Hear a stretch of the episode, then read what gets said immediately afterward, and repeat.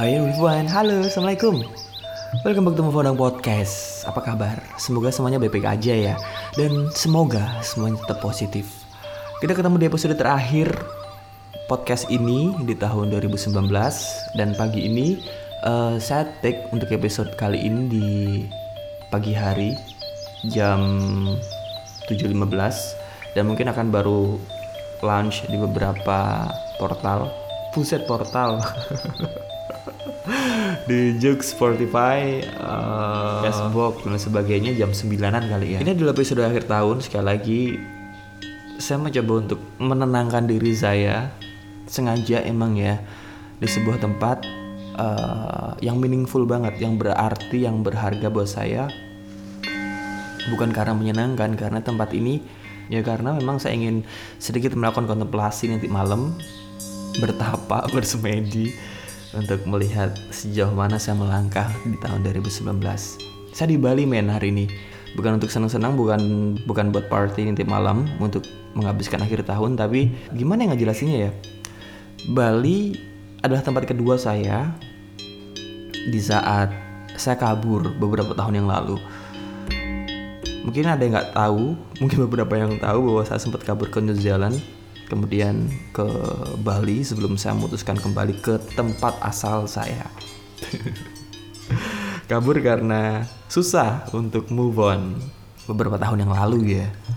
Makanya saya menyempatkan diri dua hari lah di sini besok balik lagi untuk melakukan kontemplasi ringan malam hari nanti merenung apa sih yang udah saya kerjakan dan apa yang belum tercapai. Uji episode kali ini akan mengajak para listener semua untuk bener gak sih kita bisa menyusun sebuah resolusi yang pas banget di tahun ini? Di tahun 2021 eh sorry 2020 ke depan. Jadi kalau hari ini kalian pengen ngebangun sebuah resolusi nggak ada temen pengen sendirian ngedengerin podcast ini silakan. Dan saya akan terus temenin sampai selesai saya bicara. Jadi jangan ke mana-mana tetap di podcast ini Move on dong podcast sambil saya coba ganti back sound ya. Um, listeners, nggak berasa ya di tahun ini 2019 udah bakalan berakhir dan beberapa jam lagi masuk di penghujung tahun 2020. Dan di beberapa daerah yang nggak ada perda mengenai petasan dan kembang api, udah mulai ramai banget di jalanan banyak pedagang-pedagang yang jualan trompet dan kembang api. Anak-anak kecil sudah mulai riang, ya khas tahun baru lah. Sok tuh yang mau beli kembang api silahkan, yang mau beli trompet silahkan. Hitung-hitung kita ngebantu mereka ya. Masalah itu bukan budaya kita kayak atau apa kayak. Itu kembali kepada pribadi masing-masing. Yang mau tahun baruan di luar atau tahun baruan di rumah, bebas ini adalah uh, pilihan kalian semua. Kita bebas menentukan bagaimana cara kita untuk menutup tahun 2019. Dan saya rasa itu yang terbaik kok buat diri kita masing-masing. Dan rasanya ini adalah waktu yang pas banget untuk kita semua memikirkan resolusi tahun baru yang benar-benar kita inginkan. Sambil ditemani oleh hal-hal yang menyenangkan, entah kita ditemani oleh lagu-lagu yang menenangkan kita dikelilingi oleh orang-orang kita sayangi atau mungkin secangkir kopi.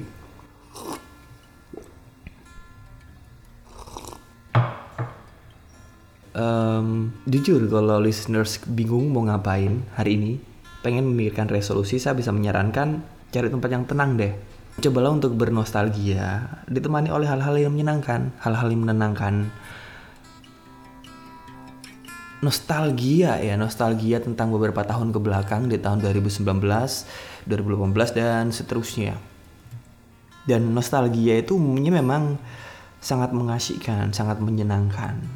Khususnya kalau yang dikenang adalah saat-saat yang menyenangkan dalam hidup.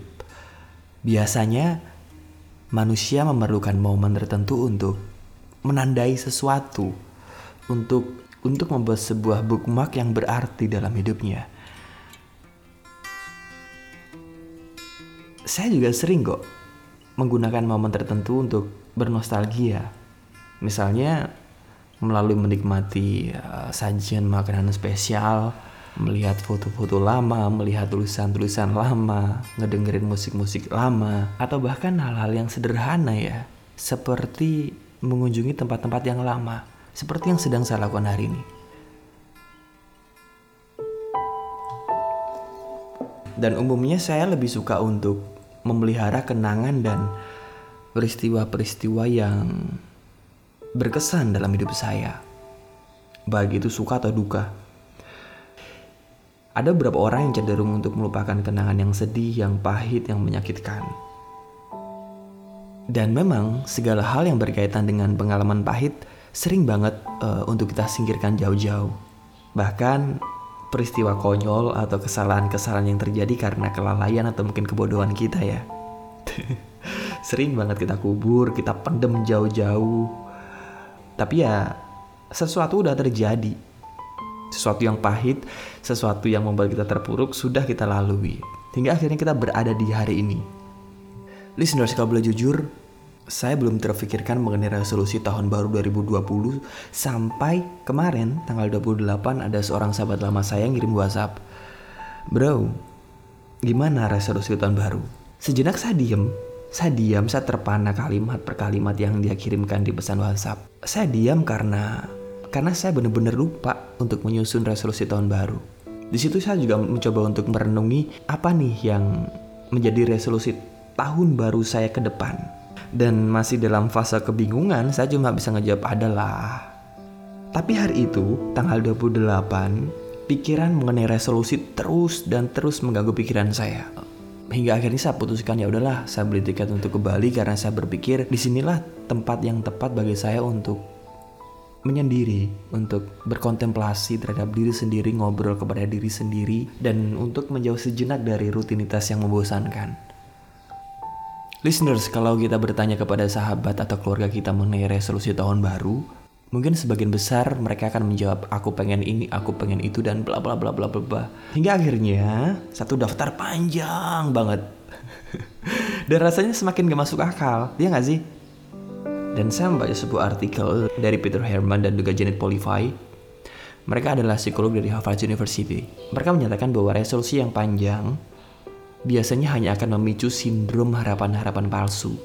Karena sifatnya samar, karena sifatnya tuh nggak nyambung, tidak berhubungan satu sama lain dan nggak realistis. Contohnya nih, saya berjanji akan menurunkan berat badan agar pasangan saya semakin sayang sama saya. Ini adalah contoh janji, ini adalah contoh resolusi yang sekalipun bisa tercapai, ya. Belum tentu secara otomatis pasangan kita menjadi sayang sama kita hanya karena berat badan kita turun. Belum tentu. Ini kan sebuah resolusi yang samar, yang nggak nyambung. Dan saya akan menemani listeners bagaimana sih cara membuat resolusi yang sederhana. Kenapa saya mengajak listeners untuk membuat resolusi yang sederhana? Karena ya itu tadi, terlalu banyak hal-hal yang kita tuliskan dalam list kita menjadikan resolusi kita semakin gak masuk akal. Tadi sehabis subuh, uh, saya mencoba untuk merenungkan sejenak apa sih arti dan makna resolusi sebenarnya. Apakah sekedar cukup hanya dengan uh, menyebutkan keinginan kita?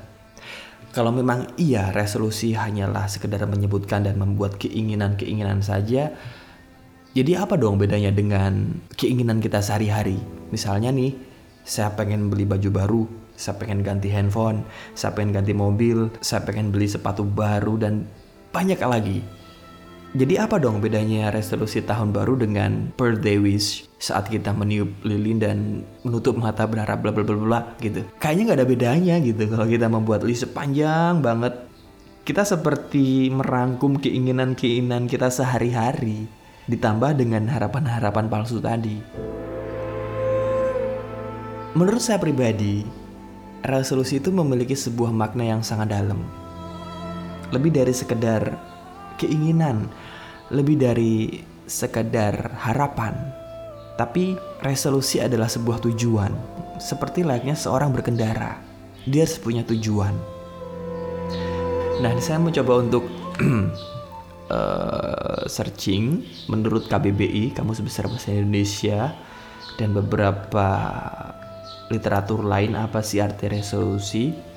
Yang saya dapatkan yang paling kena adalah resolusi berarti sebuah tekad dan di sinilah makna resolusi yang lebih mendalam. Kalau sudah ada tujuan yang kita capai, tentunya kita juga harus memiliki tekad untuk mencapai itu.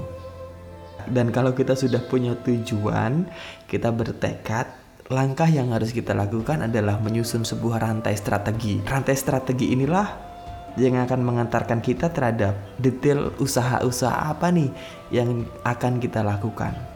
Dan listeners kalau di tahun 2020 ini punya resolusi pengen katakan contoh uh, pengen ngejar pengen ngejar mata kuliah yang tertinggal Contoh ya, jadi kita sudah harus membuat sebuah rantai strategi.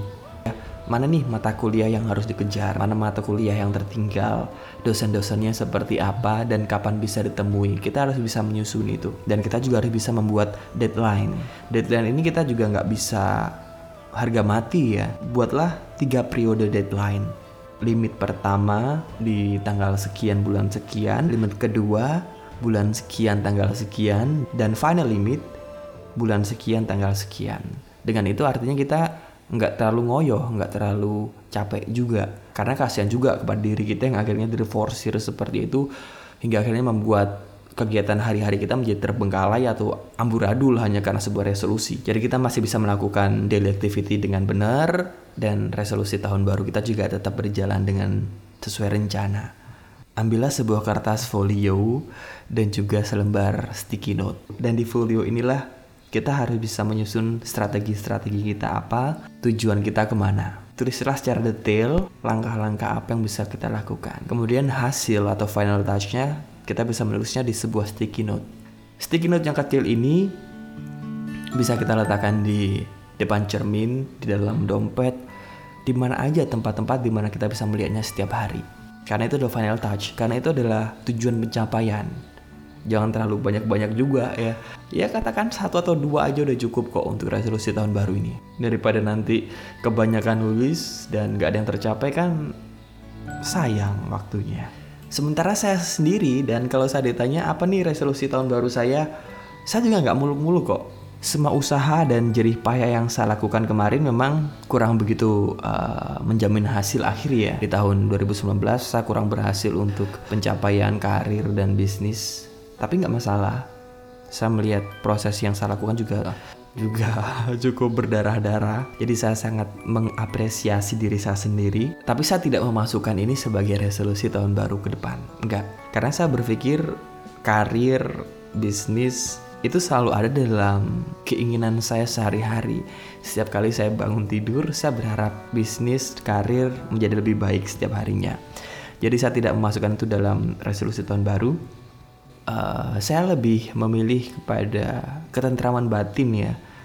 Dan bagi kalian semua nih yang tahun 2019 segala macam jerih payahnya, keringatnya, air matanya sampai dengan darahnya tidak menjamin hasil akhir yang maksimal. Hargai itu. Hargai diri kalian sendiri.